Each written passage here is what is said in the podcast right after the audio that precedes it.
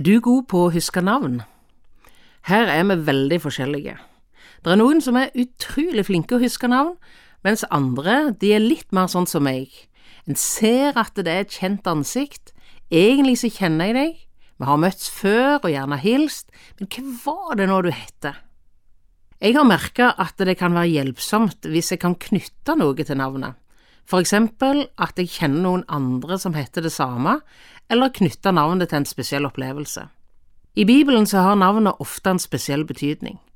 Det mest kjente er gjerne navnet Jesus. Jesus det betyr frelser, og du huser gjerne ordet engelen hadde til Josef da han kom til Josef i en drøm, sånn vi leser det i Matteus 1 vers 21. Du skal gi han navnet Jesus, for han skal frelse sitt folk ifra deres synder. Jesus, frelseren, skal frelse. Noe av det samme ser vi i Det gamle testamentet. Et av de navn som er brukt om Gud, blir henta fra møtet mellom Moses og Gud i andre Mosebok kapittel tre. Moses blir møtt av Gud i den brennende tornebusken og blir presentert for en overveldende oppgave. Du skal føre mitt folk ut av Egypt.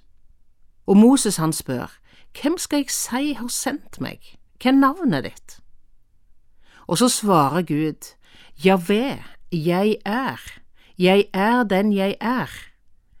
Dette mektige navnet som en opplevde en sånn respekt i møte med, at det ennå er knytta en viss usikkerhet til hvordan skal det egentlig uttales? Javé. Jeg er. Hva betyr det? Hva handler det om? Den allmektige, himmelens og jordens skaper, han som er heva over tid og rom, han som er heva over de lover han sjøl har lagt inn i skaperverket sitt.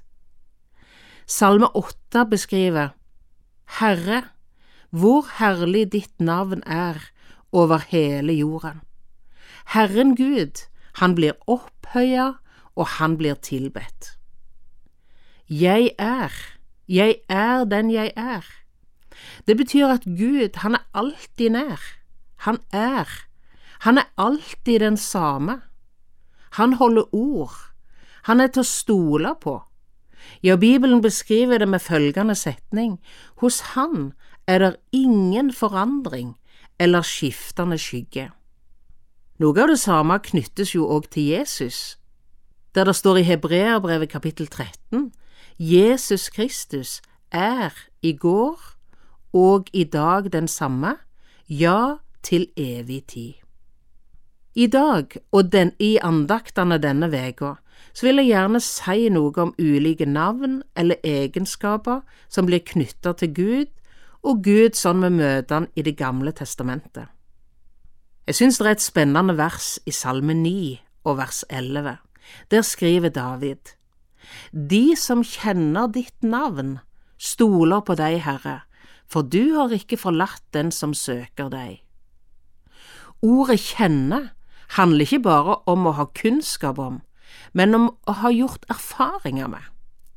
David, gjetergutten som ble Israel sin store konge, han hadde gjort noen erfaringer med Gud, og det var mer enn ord når han skrev i Salme 23, Herren er min hyrde, de som kjenner ditt navn. David hadde erfart i sitt liv at Herren var hans hyrde. Om livet veksla, om det var med eller motgang. David som sjøl hadde erfaring som hyrde, som hadde hatt ansvaret for sin far sine sauer, han var gjeter, han visste hva det handla om.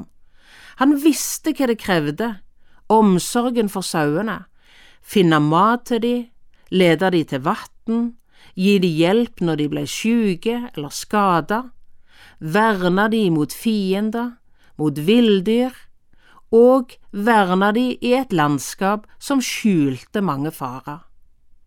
Hyrden, gjeteren sin betydning for sauene og for lamma, for det enkelte dyret og for flokken som helhet, det sto egentlig og falt på hyrden.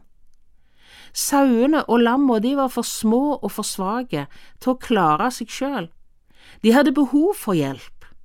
De hadde behov for en hyrde som var opptatt av å gi dem mat, omsorg og beskyttelse. Vi skal fokusere på navn og begrep som knyttes til Gud denne veka.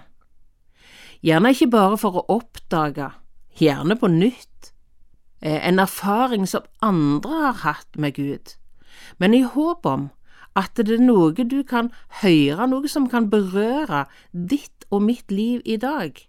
Vi som lever med Gud, eller er nysgjerrige på Gud og opptatt av tru. Gud er ikke bare historien sin Gud. Han er, i dag. Han lever.